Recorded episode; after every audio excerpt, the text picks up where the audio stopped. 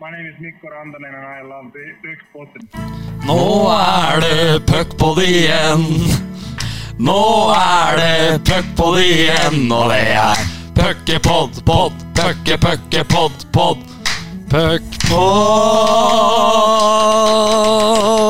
Hei, hei, hei, hei, hei, hei, hei, hei, hei. Da er vi i gang. Da er vi i gang. Nytt tiår og nye lodd i podkast Tomboland. Men selv om det er nytt tiår, så er det noen ting som aldri forandrer seg. Ved min side. Alltid balanserte Bendik Havdal Eriksen. Hatt en fin jul? Hatt en veldig fin jul. Har vært oppe med Oppe med min eh, gamle kjernefamilie, som det nå blir. Altså min mor og min eh, familie der. Og feira jul i Trondheim. Kost meg der. Vært nede, sett på Storhamar rundspillet Lillehammer litt. eh, Litt dårlig dømming, litt varianter der. Så jeg har hatt en kjempefin jul, rolig nyttår. Men eh, i dag er ikke jeg som er mest interessant, Erik. Gratulerer så mye med ny jobb. Takk for det. Takk for det. Eh, Det er eh, Vi kan jo si det, vi får, i og med at eh, Så vi holder barter og snørr atskilt. Ja, det er et eh, godt poeng. Eh, Jeg har begynt nå i 40% i Storhamar Yngres, så det har jo lite med hva vi eh, snakker om eh, her. Så er det, så er det den statementen eh, ute blant folket, så vet eh, folk det. Gleder meg veldig, veldig spent og syns jeg har fått en eh, god start. Ja, det virker som det trives. Det er hyggelig å se. Det er, eh, det er lite som gleder mitt vennehjerte eh, eh, mer, nei, mindre enn at du trives, Erik. Så det er hyggelig. Veldig bra, men uh, det får være nok rør fra oss. Uh, For denne for, gang. for denne gang. For vi må jo si velkommen til gjesten vår. Vi fortsetter å huke inn de store fiskene i, i dammen vi kaller Mjøsa. Det, vi har fått på plass en av få som fikk oppleve eventyret Spektrum Flyers. Norgesmester, utenlandsproff, landslagsspiller. Nå sportssjef i Storhamar. Velkommen, Karl Oskar Bø Andersen. Takk for det. Det var en eh, lang eh, CV der. Eh, Rakk vel ikke innom alt heller. Nei, det gjorde nok ikke, men dro opp på en måte hovedpoengene. Og ja, jeg har hatt veldig mye igjen for ishockeyen. Det har jeg. Vi pleier jo noen ganger å starte med en eh, story om eh, gjesten. Det, det kommer eh, garantert det også, men vi har fått inn et anonymt spørsmål i, i brevform Det har vi. uten avsender. Det har vi gjort, og det er Jeg lovte at det skulle være et anonymt spørsmål, men personen som stiller det spørsmålet, her, han tipper jeg er på pallen over de menneskene du er mest glad i her i verden. Så avslører jeg ikke noe mer om det. Er det mulig å ta opp hårsituasjonen? Jeg har ikke noe med dette å gjøre, vil bare vite hva som skjedde. Har det fått konsekvenser? Og hvorfor kom det ikke tilbake? Lurer da denne personen på. Interessant spørsmål. Eh, og jeg vet jo selvfølgelig ikke hvem som har uh, hinta om det her, eller sendt inn det her. Eh, men eh, for så vidt eh, kan lage en lang historie ut av det også. Men for få dra det litt tilbake, da. Eh, for jeg var jo så heldig å få sitte ved siden av mester Erik i garderoben når jeg debuterte på A-laget. Og var vel over middels kaksig eh, den gangen. Eh, og erta jo han brukbart for at han ikke hadde hår. Og så gikk jo tiden, og så fikk jeg jo den midt i trynet sjøl. Og i mellomtida der så hadde jeg fått bortimot grisebank av mesteren på et julebord. Men han tok meg i nesa og dro meg ned trappa på iskroa. Så jeg skjønte på en måte hvor skapet skulle stå. Så kom jo tiden da hvor håret mitt begynte å dette òg, og jeg hadde på en måte satt inn trimmeren brukbart på, på barbermaskina og dreiv og styra men det er fælt sjøl. Og så tenkte jeg for bare få fruen til å gå over. Og så kommer hun inn på badet og kommer borti den trimtasten på maskina og drar den gressklipperstripa over hodet. Så tenkte jeg vet du hva, nå kan du bare legge opp. Nå har du ikke mer igjen. Så det er storyen. Men trives veldig godt. Det er veldig moteriktig size, vil jeg kalle det. Men Det er liksom en del av deg òg, for min del. Jeg, jeg ble overraska da jeg så et eh, HR-arkiv der du hadde lange, lyse eh, lokker. Jeg kan liksom ikke huske det. Du er Unnskyld skalla, liksom, for meg. Ja da, Ja. jeg er nok det for mange. Men jeg også hadde et liv før med hår som funka for så vidt veldig bra, det òg. Ja, det er bra. Det var et bra svar. Ja. Hadde vi en uh, story, eller skulle vi komme tilbake til det? Hvordan uh, var, var det her vel, nå? Vi var vel litt åpne for å høre om uh, tida i Spektrum Flyers, i og med at introduksjonen gikk på det. Om det, om det var noe Om du har noe å melde derfra? Vet du hva, Der har jeg mye å melde fra. For det, det, var jo også et veldig spesielt år. Jeg skulle begynne å studere på idrettshøyskolen og hadde valget mellom Vålerenga eller Spektrum Flyers.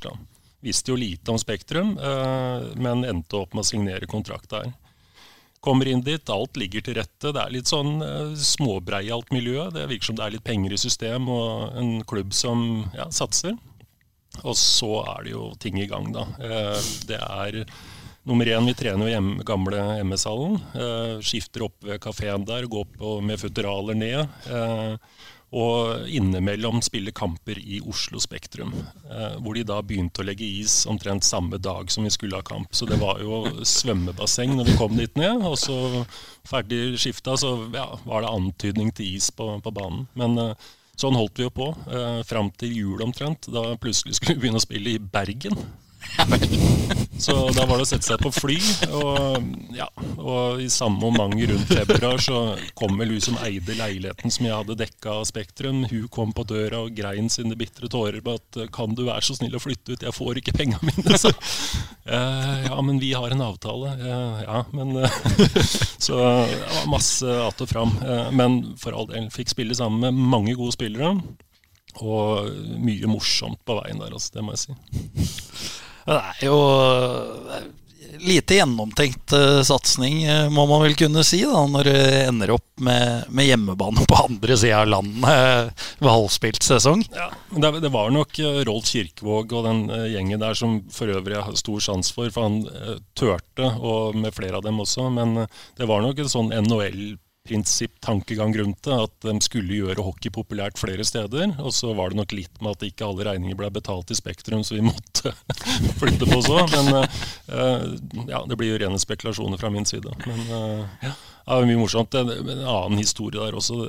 Rolf Kirkevåg hadde vel noe agentur på noe druesukkertabletter eh, som eh, han også skulle da innføre i laget. Og eh, jeg husker Han fløy rundt og delte ut der. Og Rob Skistad, hvis dere husker han?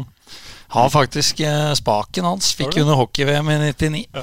Fortsatt. Den er sterk. Han er jo Rob Skistad var en lun type. Fin, herlig, rolig. Og fikk i seg de druesukkertablettene og begynte å riste. vet du. Han skulle ut på der og redde pucker. Det var bare tull. sånn er det. Ja, det er Det er litt av en historie, og det er jo ikke så mange sånne i norsk hockey heller, Bendik, med, med den type satsing som, som, går så totalt på trynet som det etter hvert gjorde. Men de holdt jo liv i det i mange år i, i Bergen. Det gikk jo en del år før Bergen Flyers gikk konkurs. Ja da. Jeg altså, skal ikke ta fra de som prøvde, for det var med gode hensikter. Men det var nok litt, eh, ja, som du sier, ikke veldig gjennomtenkt. Da. Eh, og litt i forhold til populariteten til ishockey nå. Eh, folk har lagfølelse, og det å etablere noe nytt nå er ikke enkelt. Nei, da må du vel starte i en by som, som ikke har noe hockeylag. klart det blir vanskelig i Oslo med med Vålerenga f.eks. Og så skal du finne de, den menneskegruppa som har sin lojalitet til Oslo Spektrum. Ja. Det er ikke bare bare det, liksom. det er ikke så mange som har det. Nei, vi, vi, det, det, står jo skrevet i historien, og vi, vi legger ved en merknad. God idé. Ja. Gjennomføring ikke så bra. Ja. Vi går videre. Du har jo opplevd mye i karrieren som vi var eh, inne på. Og da må vi til oppholdet i Tyskland. Vi er eh, ganske sikre på at du har noen fine historier der, derfra også, Koba? Ja da. Eh, og det også var en veldig fin periode i karrieren min. Jeg ønska jo å komme utenlands og spille, og fikk muligheten da i Ingolstadt. Tor Nilsen hadde vel spilt der sesongen før, så jeg tok jo over leiligheten hans blant annet. Og eh, jeg har konfrontert Tor med det her, men på det eikebordet i stua så var det avbildning av Altså det var eh, støpt nærmest i bordet en ølkasse. Så det, jeg, jeg, har ikke noe mot øl, jeg, altså, men det var liksom Fader, hva er det her for noe? Så, så men vi kom oss ned, og jeg syns hockeyen var knallbra. Eh, mye folk på kampene, folk koste seg. Eh, det er jo en fin kultur eh, der nede. Eh, og skulle få den første lønninga mi, og det var jo også spennende, for da var det etter kampen inn på kassererkontoret, og så var det en hvit konvolutt med Deutsche Mark i. Cash kontant. Så jeg tenkte hva nå? Eh, det her kommer jo eh, folk til å finne ut av. Men samme året så tror jeg jeg fikk tilbake en 20 000 på skatten fra Tyskland, så noe riktig var det noe eh, i det. Så, men det er jo sånne ting som eh, Ja, det har jo skjedd i Storhamar opp gjennom åra, det også, hvis vi går 15-20 år tilbake i tid. Eh, men eh, eh, det var litt overraskende å se det i en profesjonell klubb som ERC i Ingolstadt. Ja, Bendik, når det gjelder uh, leveranse av kontanter, det er mulig vi har nevnt det før, men uh, når vi spilte i Furuset, så lurer på om det var uh, kanskje året før, eller om det var første sesongen vi spilte der, så var jo bestemannsprisen uh, ble jo da levert i brødposer, og det var da kronestykker. Jeg tror det var 50 kroner til BB. Ja, ja. i kronestykker. Det var gjevt å få det der. Så noen varianter i hockeyen, det har det definitivt eh, vært. Twitter-spørsmål fra min eh, gode kollega på TV2 Sumo, Dima Smirnov. Han eh, lurer eh, på Vi må kanskje nevne det først, da, før jeg tar spørsmålet. Du gjorde jo et comeback i 2016-2017, eh, gode 14-15 år etter du egentlig ga deg. Og fikk gleden av å spille med oss, eller det var vel kanskje vi som fikk gleden av å spille med deg. Men eh, da fikk du oppleve mye rart da også, og spørsmålet går enkelt og greit. Hvor oppgitt ble du da eh, du hadde en medspiller, Christian Strandli, som satt på kjøp og salg på Facebook i pausa borte mot Ski? Vet du hva, jeg, jeg tror nok det var andre som var mer oppgitt enn meg. Eh, jeg visste eh, hvilken eh, nivå eh, jeg spilte på. Eh, så, eh, men eh, ja, jeg blei jo litt sjokkert. Jeg gjorde det. Christian er en veldig fin gutt eh, og setter veldig stor pris på han, men eh, han kunne vel prøvd å, å forholde seg litt mer profesjonelt til det vi dreier med. Det er jo herlig. da Sitter i pausa på ski der, og så plinger det i telefonen, og da sitter lagkameratene og byr på en sofa, liksom. Det er jo Det er ikke, det er ikke helt sånn du forventer. Nei, det, men eh, det var vel et fint tilskudd med en historie til karrieren din. Ja.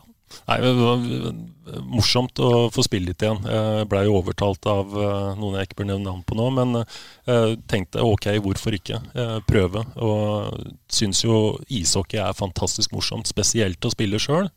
Men også bare det å være i garderoben og så kjenne litt på det igjen, det var eh, en herlig følelse. Du er apropos det sårt savna på Allboys-treninger. Det har jeg fått beskjed om at jeg skulle medbringe til deg. Ja, Nei, Det er hyggelig å høre det. Eh, Jeg vet ikke om jeg har noe der å gjøre nå, men eh, Det kan jeg love at du har. Ikke noe problem. Nei, men Da skal jeg selvfølgelig vurdere det. Ja, det Da har jeg litt andre ting å drive med om dagen også, men eh, ja. Vi må jo nevne det før vi lar andredivisjon ligge og comebacket til Goba. Bendik, du spilte jo ikke det året, men du så jo mye matcher, og det var jo helt rått å se, selv om det var andredivisjon. Altså en som ikke har spilt da organisert på 15 år, eller hva det var, komme inn og herje så til de grader. Ja, også ikke minst. Jeg husker jo godt jeg var i Stavanger og dekka A-laget når A-laget snudde sjukampstapsstreaken sin med å slå Stavanger 5-0 eller 5-1 i DNB. Da var jo dere forretten eh, mot Martin Strandfelt og alt mulig i, i nabohallen der. Og da fikk Ørjan Mikkelsen en stygg blindside-takling. Og den det lyste mest i øya på da, det var jo isens eldste. Det var jo Koba, som sirkla rundt som en sånn hai etter byttet sitt foran boksen der. Da, da, det var ikke bare gøy lenger da. Da, da var det alvor, Koba. Ja, øh, hockey engasjerer, øh, og spesielt når du er utpå der og ser sånt noe, så fikk du litt sånn gamle følelser øh, inni deg om at øh, det her er ikke sånn det skal være. Her må noen ta litt tak. Øh, Det skjedde vel ikke noe mer annet enn noen litt stygge blikk, men de kan jo til tider drepe. Ja, det var ikke mange taklinger fra dem etterpå. Det husker jeg. Nei, og det var eh, en annen story med engasjementet ditt da var jo i seriefinalen hjemme mot eh, Tønsberg. Jeg husker vi var på full fart opp i angrep eh, tre mot to.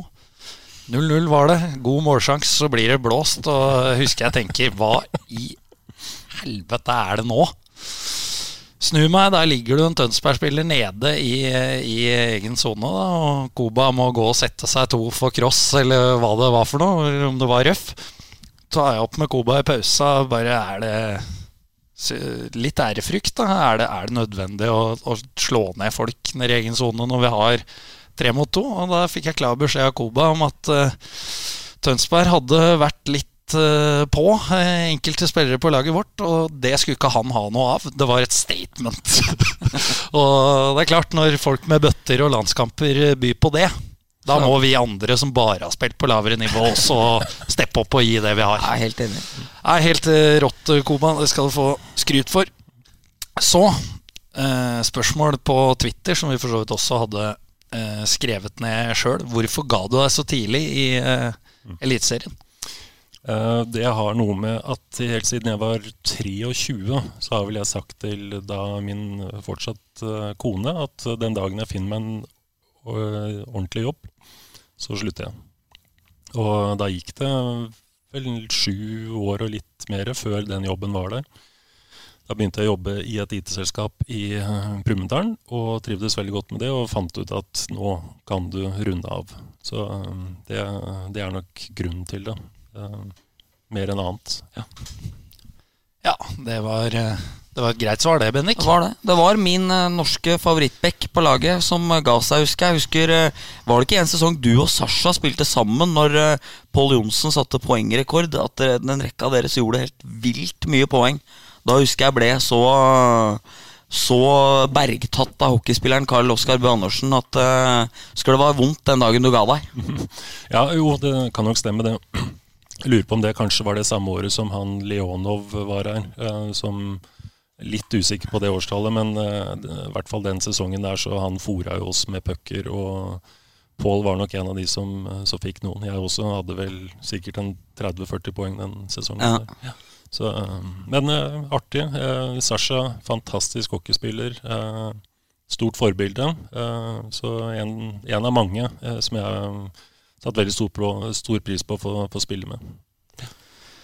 Og så må vi jo innom uh, dette såkalte sjølmålet da i uh, finalene mot Asker i uh, eh, 2002, var vel det. Jeg gikk på Storhamar barneskole den gangen. Vi hadde jo din gode venn Øyvind Mathisen som lærer. Mm. Og det var masse hockeyspillere i den eh, klassa, og det var så mye føss rundt uh, dette såkalte sjølmålet at uh, husker Øyvind henta deg inn. Vi satt i aulaen på Storhamarskolen, hvor du uh, prata jo mye om livet generelt. Altså, det var jo ikke sjølmålet det handla om, men uh, satt med følelsen at den samlinga nærmest ble kalt inn til fordi det var så mye styr i klassa rundt, rundt den finalen og det sjølmålet. Mm. Du kan få sette litt ord på det sjøl. Ja, selvfølgelig prega eh, meg også. Eh, for det er jo en, en, hva skal jeg si, en ganske sånn markant hendelse i hockeykarrieren. Eh, hvor du er eh, delaktig i et baklengsmål. Eh, vi tapte vel 1-0 den kampen. Det stemmer. Eh, jeg har jo tenkt ofte på det i ettertid, at altså, det skjer jo ikke i hockey. At man taper 1-0. og jeg tror jeg sjøl kunne ha skåra tre eller fire, fire, mål den kampen der, men vi fikk det ikke til. og ja, Det faktum at den pucken traff beinet mitt og gikk inn i mål, det tenker jeg det kan jeg ikke gjøre veldig mye med. men er det litt irriterende Nå er det gått så lang tid at jeg regner med at du ikke bruker så mye energi på det nå, men hvis folk liksom sier sånn Ja, Karl Oskar Bøe er han som skåret sjølmålet. Er det noen ganger du har liksom tenkt at faen og ufortjent? Altså, jeg var en av landets beste backer hele karrieren min. Mm. Jeg var drita god, og så husker dere meg for den ene jeg var uheldig og fikk pucken i beinet, liksom? Eh, helt naturlig, tenker jeg da. Ja. At det er sånn. Det er jo enkelte episoder som knytter seg opp mot spillere. Eh, så, men jeg husker jeg sa både til meg sjøl og til andre den gangen at jeg er jo faktisk litt glad at det skjedde meg, som var på hell i karrieren min, og ikke en unggutt som var i fremadstormene osv. Så, videre. så jeg tar litt den, men samtidig så er det jo utrolig kjedelig. Og nå har jeg evnen til å, å glemme ting eh, som jeg ikke vil huske. Eh, men den der en, Eller den dukker jo opp eh, altfor ofte. Eh, jeg sitter og ser på hockey på TV, og ok, Storhamar Frisk Asker, den må jo komme. Så, ja. Ja, og Når du ser det opp igjen i, i dag, så, så er det, jo, det er jo som du sier. Altså, det blir jo Var det Nagel som la pucken inn? Ja, det tror jeg nok. Tror jeg Fra venstre, så er det ikke det? Ja. Så treffer han i beinet ditt, og så er keeperen utspilt. Får jo ikke gjort noe som helst med det heller, så sånne situasjoner skjer jo ofte eh, i både Gateligaen og eh, andre ligaer. Så, men, det, men det er jo litt eh, den eh, Var det sjuende avgjørende eh, finalen? Altså det er jo alt Alt ligger jo til rette for at det her ikke er bra. så, men eh, jeg kommer over det òg. ja. Det, det har gått greit med deg. Det er jo oppløftende. det. Det er jo det. det er jo, Storhamar har jo, eller Frisk har jo funnet måten å vinne de avgjørende matcha mot Storhamar på. Om det er en kaster en puck i et leggskinn eller diver litt. Den mest eldste spilleren er liksom noen, eh, noen triks har de jo, så vært litt, hatt litt marginer med seg i de avgjørende situasjonene der. Du tenkte nå at du det var passende å komme med et stikk til Bastiansen nå når vi tok med han eh, på topp fem trivelige julefeiringer. nå. Jeg tror han veit sjøl at han gjorde det òg. Han uh, gjør nok det. Og uh, som en skrev etter den hendelsen, han uh, tror ikke han bryr seg så mye om uh, hva han har i innboksen. Han drikker nok øl og champagne og feirer gull, altså når det skjedde. Ja. Så, så samme kan det være. Eh, vi må se litt på matchene som eh, har vært, eh, Bendik. Koba skal også selvfølgelig få uttale seg, men det, har, det ble seier mot Vålerenga. Det ble to seire mot Lillehammer og én mot Sparta siden sist vi var samla, så vær så god. Takk, takk. Jeg tenkte på et litt morsomt fenomen da jeg gikk hit i dag. At, eller morsomt og morsomt. Interessant kanskje heller. I starten av sesongen så husker jeg vi satt her og prata om at Storhamar Problemet deres var at de ofte spilte to ålreite eller gode perioder, og én veldig dårlig.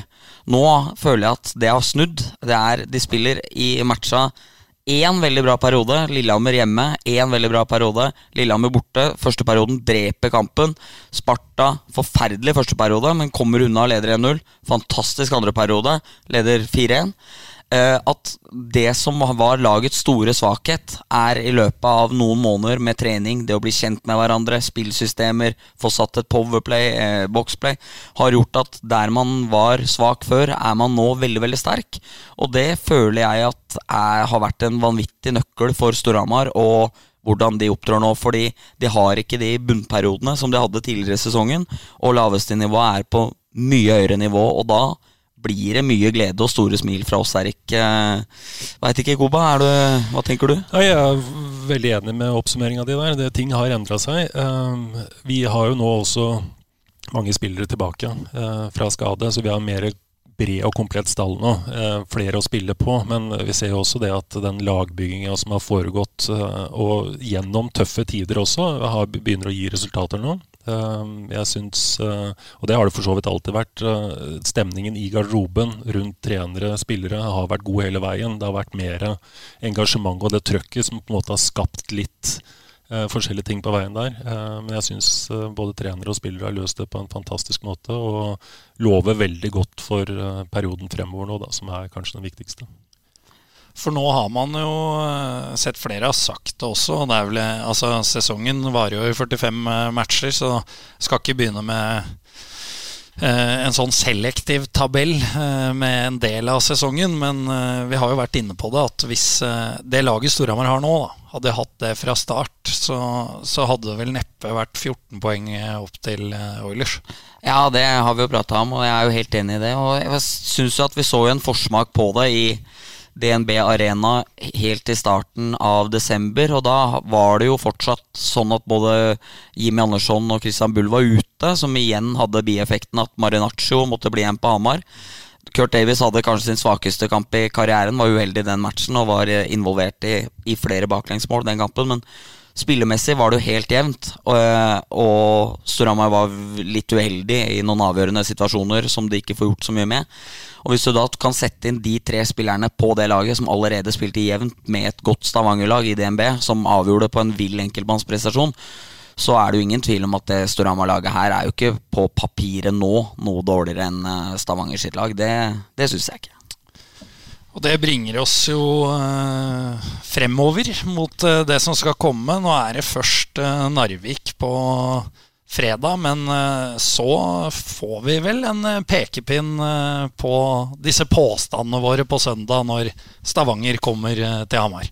Det gjør vi. Det blir kjempegøy. Jeg er spent på den helga her. Det er Narvik er ikke noe hump på veien det heller, selv om folk kanskje tror det, fordi Storhamar er i rute nå. Men det er et lag de skal slå. Og så blir det vanvittig spennende mot Oilers. Det er Oilers var ikke veldig gode i går mot Frisk, men de er ekstreme på å ta trepoengere uansett. Og jeg, min påstand er at hvis de ikke kommer med mer enn det de gjorde i går, så taper de her på søndag. Nå er det noe sånn at De kommer nok til å, å komme mer enn det de gjorde i går. Jeg satt og så kampen og var hva skal jeg si, litt overraska at ikke de greide å produsere mer. Eh, men så får de da til det som du sier da på slutten, å skåre det viktige, avgjørende målet som gjør at de vinner, og folk glemmer resten, på en måte. Mm. De, og det er jo en egenskap som, som, gode lag har, som jeg føler at vi i Storhamar også har fått tilbake litt nå, da. Eh, det er ikke alle som sitter på tribunen og tenker at ja, det her går gærent, det her kommer til å gå gærent. Eh, sånn er det ikke. Så det har heldigvis endra seg. Ja, Vi snakka om det før vi gikk på, Bendik, du og jeg, at uh, med Stavanger egentlig hele årets sesong så har du hatt den derre følelsen med sammenligner med Fergie-time når Ferguson var manager i, i, Manchester United. Men det er at, som i går, da. Dårlig match, leder 2-0, roter det bort.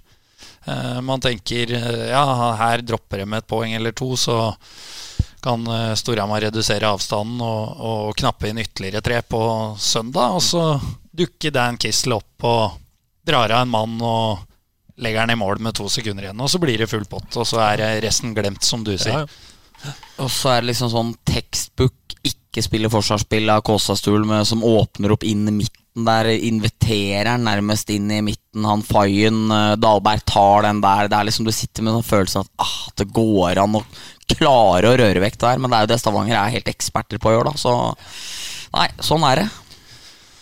Sånn eh, er det. Eh, vi må snakke litt om andre temaer også, matchene som skal komme. Og da sier jeg bare Sander Wold Engebråten. Så kan du få begynne, Bendik. Sånn ordlek? Uh, nei, uh, ja. Nei, Sander Wold Engebråten er jo et hett navn. Er uh, sammen med Martin Johnsen, i mine øyne, kanskje de to største talentene Storhamar besitter nå. Den ene bekk og den andre løper. Um, Sander veldig god på skøyter, bra blikk, godt uh, hockeyhode. Har alle ferdigheter til å bli en ung, moderne bekk. Kommer litt i en skvis, føler jeg, i Storhamar, at Storhamar har mange bekker på kontrakt. De har eh, kontrakter som går over, som gjør at han eh, blir Får ikke så mye spilletid som han kanskje bør og skal ha. Eh, konkurrerer med Markus Mikkelsen, som også har vært veldig god. Uh, som gjør at Sander er altfor god for å spille U21-ligaen, eh, og da blir lånt ut til eh, Södertälje. Eller ikke lånt ut, som jeg har funnet ut nå. Han er der permanent nå, og så blir det spennende å se hva som skjer etter sesongen. Men jeg håper jo da og tror at Sander kommer tilbake igjen, og at det er planen. Vet du hva, det, det er jo planen. Men ja, jeg har vel prata litt om det tidligere i avisen også, det med spillerutvikling. Hva det egentlig innebærer. Og Storhamar er uh, A-laget. Det er en prestasjonsgruppe. De skal vinne. Det er altså, skrevet i stein at sånn er det bare. Og, og, da veien dit å lykkes for en, en ung gutt, den er Altså det sier jo historien alt om. Eh, hvis vi går nå tilbake og finner ut hvem var den siste Storhamar-spilleren vi greide å få opp, så, så, må vi nesten tilbake til Pål Johnsen-tida, faktisk.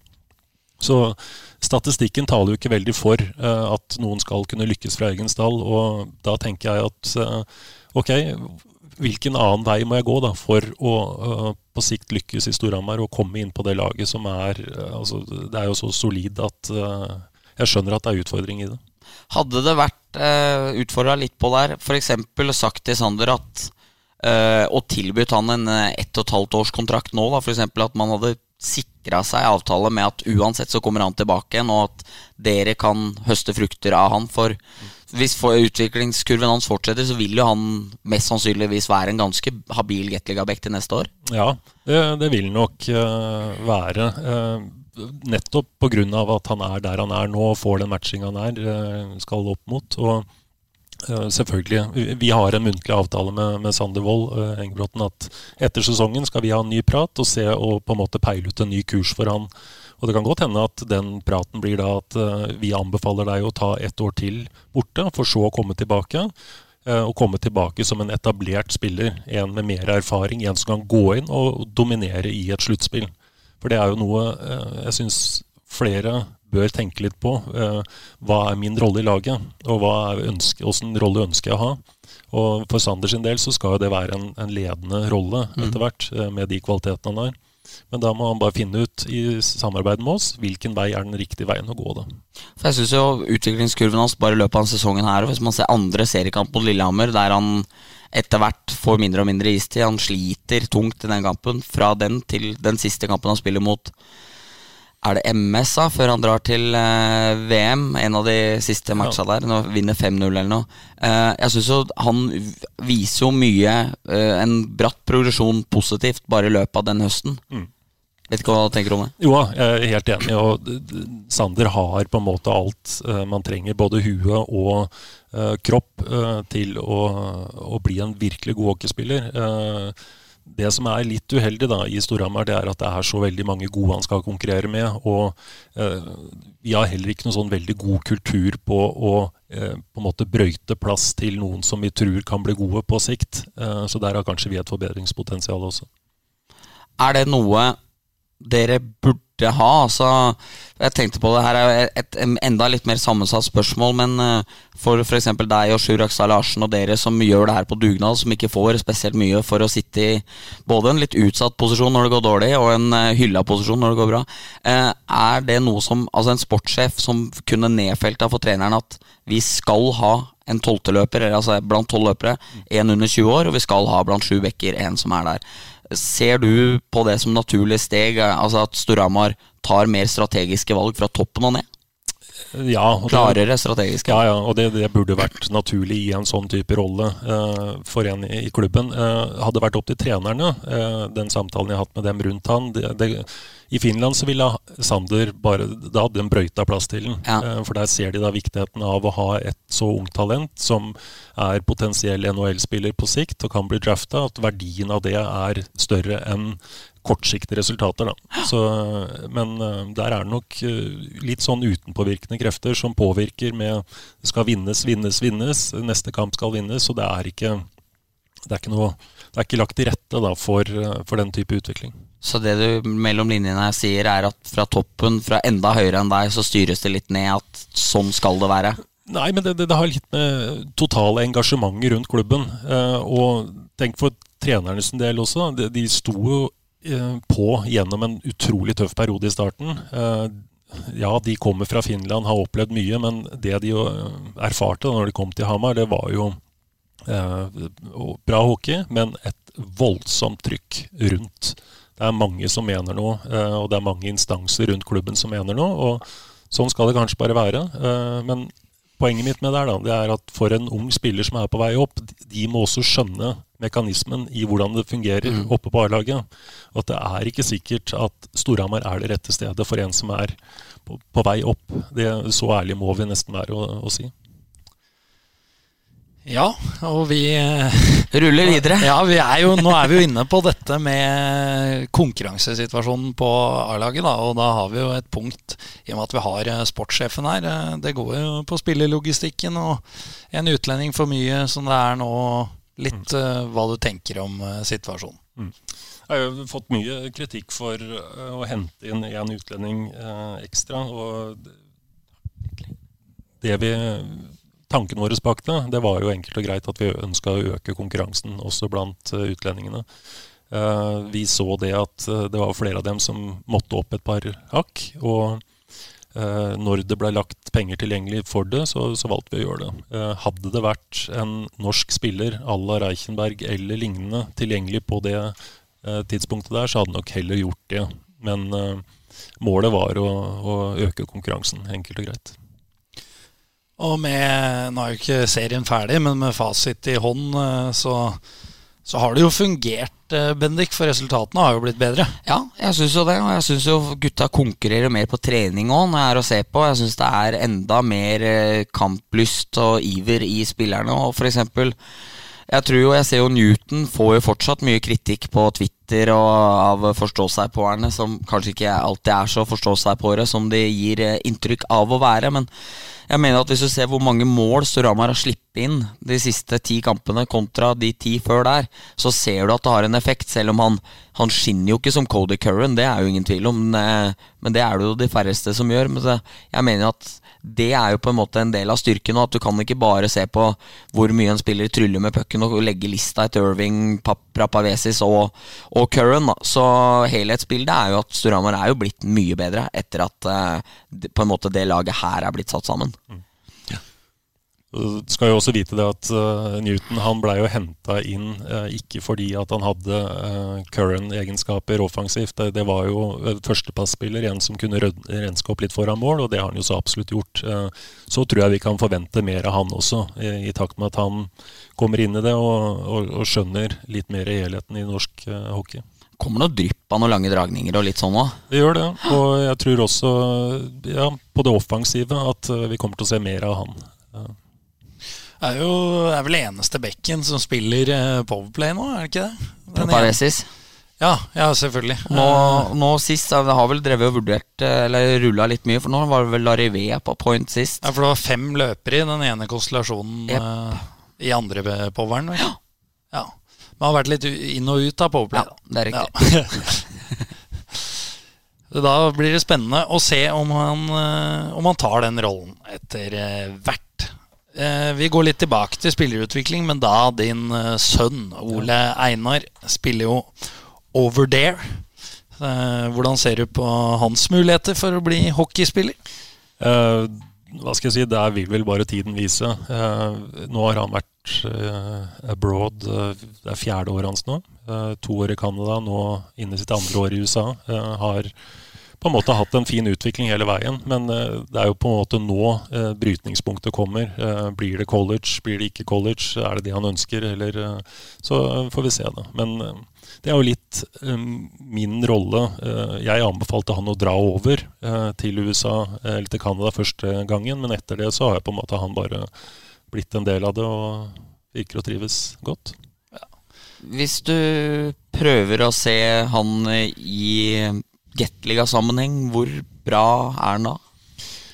Oi, det blir vanskelig. Uh, men jeg tror nok uh, at han kunne fort ha spilt en 10-15 kamper for, for et Gateliga-lag ja. i år. Men det er jo litt sånn som jeg prøver å si til han også, at det er jo ikke nødvendigvis nå du skal være god. Det her er bare en, en del av veien til å bli god.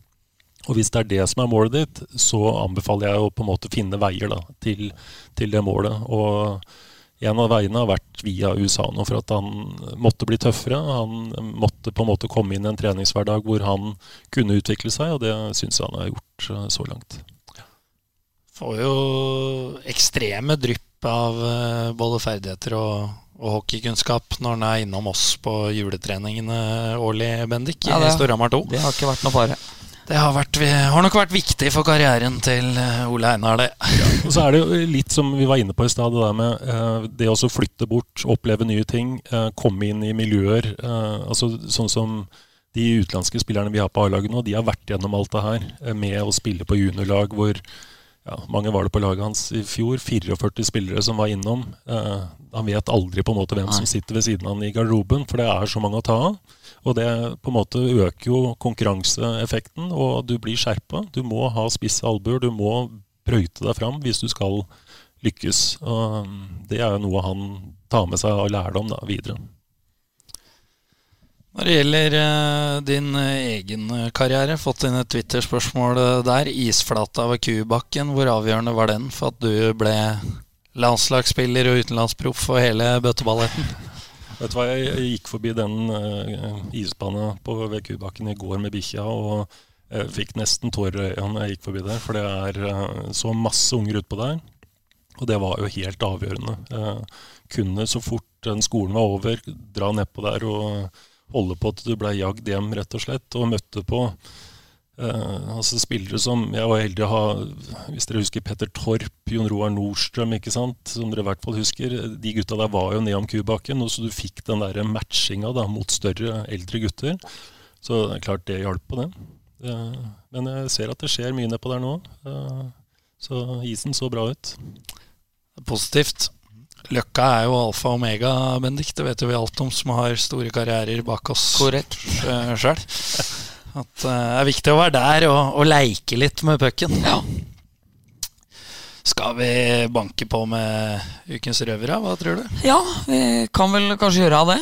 Det er um, Det var. Uh, jeg sto utafor dommergarderoben uh, etter Christian Larivé ble noen vil si feilaktig sendt av isen i 28.12. mot Lillehammer der. Jeg velger å ikke kommentere om jeg syns han burde vært sendt av isen eller ikke, men det så vel kanskje bitte litt rart ut, syns noen. Eh, I hvert fall så sto jeg utafor der og venta, så skjønte jeg egentlig ikke en dritt av det. Fordi jeg tenkte at å se på de videobevisene her bør jo egentlig være ganske enkelt å ta en avgjørelse på ganske fort.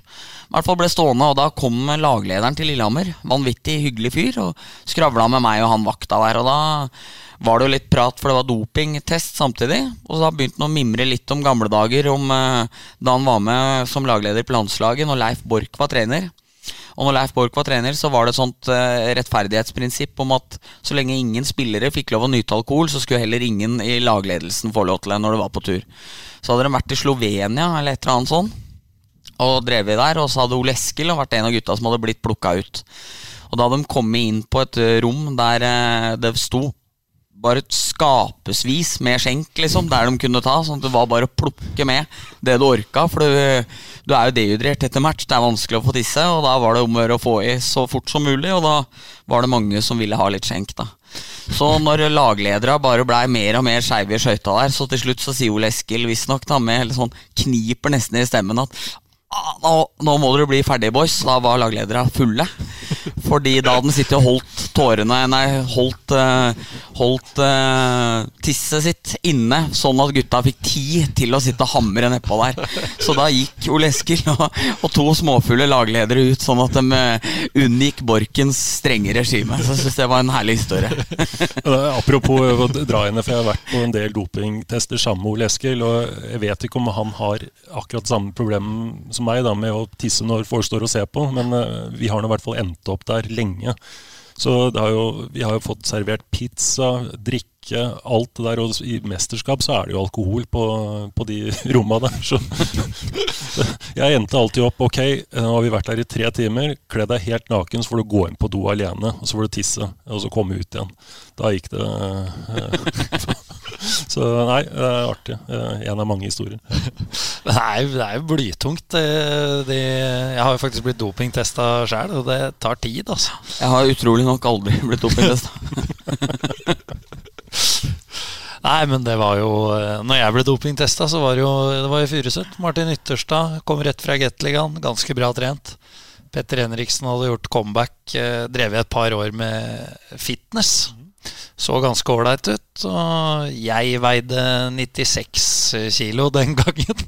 Så det var oss tre. Det var eh, Det følte jeg var litt sånn alibi fra Antidoping Norge, at de tok med han eh, De to best trente og han litt tjukke? Ja, han litt tjukke, ja. ja. Det, det, var ikke bra. Bare skyte inn en annen historie da, eh, angående doping. For eh, når eh, eldstemannen min var typ ett og et halvt år, så hadde han litt problemer med nesa. Eh, og fikk noe efedrin nesespray, jeg tror det var det. Eh, hvor eh, Jeg husker ikke helt, da, men det inneholdt efedrin i hvert fall. Og det, det, er jo sånn, Du skulle vise han hvordan du gjorde det her, ikke sant? og jeg fikk jo noe av det her på tunga mi. Dagen etter så var det dopingkontroll. Og så det, Jeg måtte informere om det her, at jeg hadde smakt på den, eh, om det var nespray eller hostesaft. Hostesaft var det. Eh, og så eh, går tida etter testen, så til slutt så ringer jeg opp til Idrettsforbundet og spør liksom hva skjer. Så hører jeg litt tørt fra ei dame i andre enden at hvis det hadde vært noe, så tror jeg du hadde hørt noe nå. Så ok, greit. ja, det hadde vel vært kjedelig å ryke på ja en, eh, en dopingdom eh, der. Mm. Det er jo triste saker. Vel, vi skal eh, videre. ukens kaktus og ukens kvast. Hva syns du vi skal starte med denne uka, Bendik? Jeg syns du står helt fritt til å velge. Åh, da blir det vanskelig for meg, men da da gjør vi som vi har gjort eh, de siste gangene. Hvis jeg husker rett Vi starter med å skryte av noen, for det er, jeg synes det er mye hyggeligere å avslutte med litt negativitet. Ja, enig i det. Sånn at vi får, det er det siste man husker. Ja. Så jeg er helt enig. Eh, Min blomsterkvast denne uka her går til eh, Elias Petterson og et intervju han gjorde med TSN her Ja, det var vel gjort før jul, men det kom ut nå her om dagen med Han kommer fra et lite sted som heter Enge, eh, på vei til Sundsvall. Kjørte gjennom det i sommer når Storhamar spilte der. Et knøttlite sted med én kebabsjappe og en ishockeyflate og en skole. Det er vel stort sett det det er der. 3000 innbyggere. Det er vel en eh, tredjedel av Moelv sentrum, cirka. I hvert fall han og hans armenske bestekamerater var eh, knytta tett til hverandre. Anbefaler alle å gå inn og lese den saken her. Uh, plutselig en morgen så har han dårlig følelse, og da har politi, som de dessverre har en stor vane til å gjøre i det moderne samfunnet gått inn hos familien hans klokka seks på morgenen. Dundra inn dørene, fem stykker, som om de er kriminelle. Revet dem opp av senga og deportert dem til eh, Armenia. Det her ble en stor sak og stor problem for han, og han hadde en dårlig følelse av det her.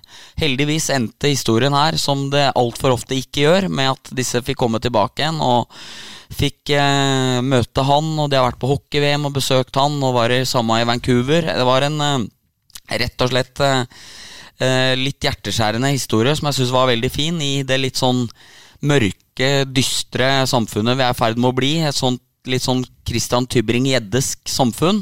Så syns jeg det var deilig å lese en sånn uh, story, og så er det sikkert noen idioter som vil si at dette er feil praksis og det ene med det andre, men i hvert fall jeg syns det er deilig av og til at noen som har det litt vanskelig og kommer fra litt vanskeligere land, får muligheten til å være her, selv om det ikke trenger å regne bomber over huet på dem for at de får lov å komme til Sverige. Så Jakob Markstrøm slapp vel inn noen goller i natt, skjønte jeg, og gjorde ikke jobben sin her. Han er med i saken og prater om uh, viktigheten av integrering. og de gutta der gjør et strålende intervju og er eh, gode forbilder, og da syns jeg det er fint at uh, de får litt heder og ære. I vår store pod så regner jeg med at Elias blir glad for den rosen her. Ja, det setter han helt uh, sikkert pris på. Det, jeg er enig med deg. Fin, veldig fin sak. trivelig. Ja. Ble det, i hvert fall.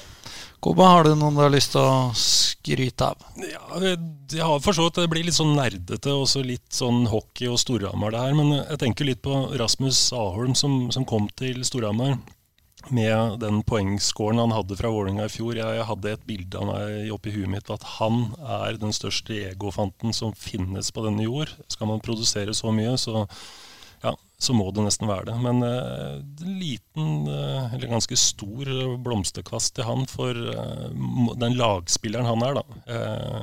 ser på Lillehammer der. Ni av ti andre ville skutt sjøl. åpent mål. Han legger den over på backeren. Backhand flipper over til Thoresen som, som setter den. Sånt noe blir bare rett og slett rørt. det er herlig å se altså, for et gammelt hockeyhjerte. Fortjent, det. Vi kan jo jeg, jeg, tror jeg snakker for oss begge, Bendik, når jeg sier at vi hadde også gitt uh, pucken til Patrick. For vi hadde jo ikke turt noe annet. Men uh, Du, jeg har apropos en litt sånn påheng på Patrick. Fordi vi prata jo om det sist, med hvor vi trodde det var triveligst rundt eh, eh, på julaften. Ja. Og så sa vi jo det at eh, det er nok vanvittig hyggelig og storhusens frem til brettspillet kunne begynne. At det da blir svarte øyer hjemme, hjemme i Baglerveien. Men jeg fikk eh, møtte Simen Hol Johannessen på mm, byen tre dager før julaften. Og han fortalte Han var jo sammen med lillesøster der i huset for noen år tilbake, da vi gikk på videregående. Vi gikk jo i klasse med alle sammen der. Og da hadde de spilt eh, sånn kubbspill. Steffen, Petter, Patrick og han. Der det var helt, gutta var helt ståka på at det måtte være en straff til taperen. Da. Så har vi blitt enige om at taperen, det var midt på sommeren, 25 grader og har fått seg et par glass og litt sånne ting, skulle løpe 50 runder i sånn Jofa-joggedress rundt huset. Den som tapte. Og Simen hadde vel sagt at han ikke var så interessert i det, og da sa han at Patrick hadde løpt 50 runder rundt kvartalet med den på seg som straff, og det pinte seg gjennom når han tross alt hadde tapt. Ja, det er, det er konkurranseinstinkt i den uh, familien. Det er det nok ingen uh, tvil om. Men det tydelig, hørtes blytungt ut. Eneste som har spilt med far her, kan sikkert skrive under på det. Ja, vet du hva, Jeg kjenner en så mye trekk ved, ved Patrick og Steffen for den saks skyld i, i faren der. Og ja, det kunne vi holdt på med til i morgen å prate om. det vet jeg. Men igjen artig. Å få spille sammen med spillere som Åge Ellingsen, eh, Petter Thoresen eh, med flere. Altså, det er jo legender i, i norsk hockey. Ingen tvil. Ingen tvil. Eh, så var det min blomsterkvast. Kom over den på Facebook her, på en av de gruppene for norsk hockey. Det er en dommer, Egil Andreas Borg. Det var en eller annen som hadde posta det. det han uh, har da dømt en kamp uh, nedover i divisjonen. Etter kampen så samler han begge laga i midtsona som uh, på trening. For å komme med det glade budskap om at spillere burde reise hjem og lese regla, for dem forstår dere ikke. det det syns jeg er fantastisk gjort. Det er stor dømming. Ja, helt enig. Og en uh, fin historie. Så skal vi være litt negative, da, Bendik? Ja, da skal vi vel til uh, en klubb og et sted som har fått mye ros av oss egentlig i det siste. Vi skal til Sarpsborg. Satt og så kampen på TV. Din kollega kommenterte flott, uh, Erik. han eksperten som skriker og hoier, var ikke der den dagen. Så det var veldig Det var bare han Heine som kommenterte. Kjempeflott. men det var så stille i hallen. Det var, Jeg sendte melding til Arve og Jakob mine kollegaer og spurte er det sånn, eller er det bare lyden. For det var helt stille. Var, du hørte liksom at folk knaska litt baconcrisp i bakgrunnen. Og liksom, det var så stille. Og så får jeg høre det at jula, når Stjernen mobiliserte som bare rakkeren for å ha mye folk eh, i Sparta Amfi, så vant jo Stjernen, og det blei jo Leven der. Og, og Sparta inviterte folk til å se på kampen i hallen sin, istedenfor å dra 30 minutter til eh, Fredrikstad. Så Sparta, jeg veit det er ikke mye de får gratis akkurat nå, men eh, litt mer enn det der må være mulig for den ellers så flotte klubben. Ja, jeg så eh, det du nevnte, så jeg på Twitter i jula, var det vel. Eh, det var vel en Stjernen-supporter som, som, etterlyste Jeg husker ikke helt om det var Hallen eller om det var et annet sted, men det var i hvert fall noe samling et sted for å se, se kampen, så Og det så jo ut som, med all respekt for Sparta, at de hadde trengt kanskje litt Eh, fra tribuna der når du taper 9-3 i Stjernehallen, for det er ikke så mange som gjør lenger. Goma. jeg, jeg, jeg, har egentlig ikke så mye på hjertet når det kommer til sånne ting, så hvis det er lov å melde pass der, så Litt kjedelig, men? Ja, litt grått. Eh, kjedelig, men det er vel sånn mange vil si at jeg er òg, så jeg tar den.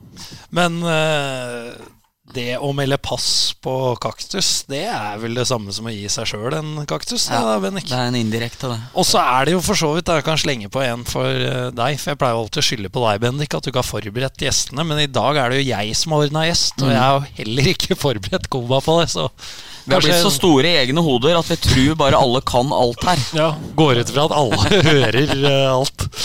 Nei, men uh, jeg, jeg, kan uh, for så vidt ta den da, jeg, altså. Vi kan ta den for sammen. Ja, ja. ja, Vi kan gjøre det. Jeg gir min kaktus til Paul Higgson. Den dyktige sportssjefen i Stavanger Oilers. Men grunnen til at han får kaktusen, det er jo da litt med gårsdagens match i, i, i, mente mellom Asker og Oilers, som vi har vært inne på. At Oilers de, de vinner jo så å si alt i, i, grunnserien i år. Og kaktusen går til han da for at han har rett og slett bygd et for bra Stavanger Oilers. Han har ødelagt grunnserien. så hvis du hører meg der eh, borte på Vestlandet, Pål, her er en kaktus til, eh, til deg. Men for å gi litt heder til og ære til Tommy Kristiansson, skal ikke oppfordre til, til, til mob mobbing i går. Men så hørte jeg når TV-kameraene var på når kriga med Oskarsson. Fader, så dårlig du er. Faen så dårlig du er! Rett i trynet på han. Og jeg tror han Oskarsson kjente jo litt på det òg, så det var jo nei, det, De der kameraene der kunne vært justert enda Nei, mikrofonene kunne vært justert enda litt høyere, for det der er stor humor. Altså. For, en som har spilt uh, mot Øystein Olsen, så ser jeg noen fellestrekk der. Det er Han også fløy rundt og kakla. vet du. 'Koba, jeg skal drepe deg.' Og det var liksom Ja, ja, nei, men da får du gjøre det. så, men det er jo noe som For noen spillere så er det her en del av spillet, faktisk. Ja. Å, å, kunne fyre opp litt uh, ute der. Og jeg syns jo Tommy behersker jo for så vidt begge delene på en grei måte. Ja. Husker jo når Tor Olav Johnsen kalte den kokos òg, så responderte han fint på det òg, liksom. Så uh, er herlig. Ja, Tommy tar det. Eh, jeg har lyst til å fylle inn, eh, Koba, på det du sa at eh, mange mente at du var en litt kjedelig fyr, eller hva var det, hvordan du ordla deg. Med et innspill der, for det, det er jo kanskje et, inntrykk folk kan få når du svarer i, i media, f.eks. Men når vi spilte med Koba, så var han jo herlig, Bendik. Husker bl.a. han spilte Simen Sveen på, på blank hvorav eh, Sveen eh, bomma. Og da kommer det eh, egentlig ganske tørt fra Koba når du skal gå ut av garderoben at Takk for i dag, gutter. Jeg skal dra hjem og øve litt på oppspillene mine, jeg da, Sven. Sier du bare, og så, og så, og så går du. Det, det syns jeg er herlig. Ja. Jeg fikk jo litt tyn den sesongen på hvor jeg var med dere, for jeg, hadde skåra ikke mål.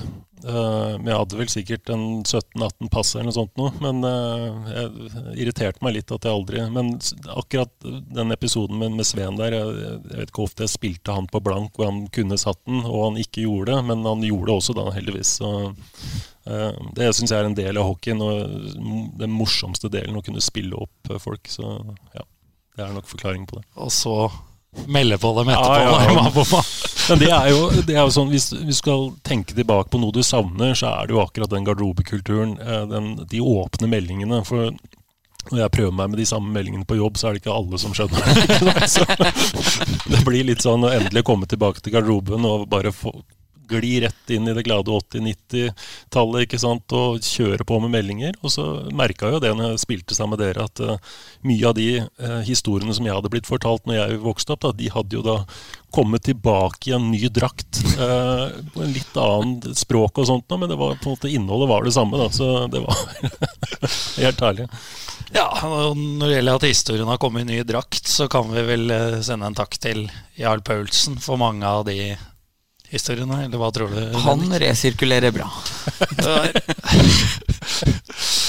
jeg leder jo nå eh, Storhamar sin SFO på isen, og der eh, fikk jeg spørsmål i går hvem, eh, fra noen av unga. Hvem er denne Jarl Paulsen som, som, som ljuger hele tida? og det, det syns jeg var litt herlig. Det tror jeg Jarl blir fornøyd med også, at ettermælet hans er eh, ivaretatt. Ja, Han er kjent for å ljuge mye. Skal vi runde av, eller er det noen som brenner inne med noe? Nei, jeg har ingenting. Karl Oskar? Jeg føler jeg har eh, bretta ut hele livet mitt omtrent nå, så jeg er fornøyd. Ja. Du er godt fornøyd? Ja. Det er jeg òg. Da sier vi takk for at du kom, eh, Koba. Takk til deg, Bendik. Takk. Takk til deg som hørte på.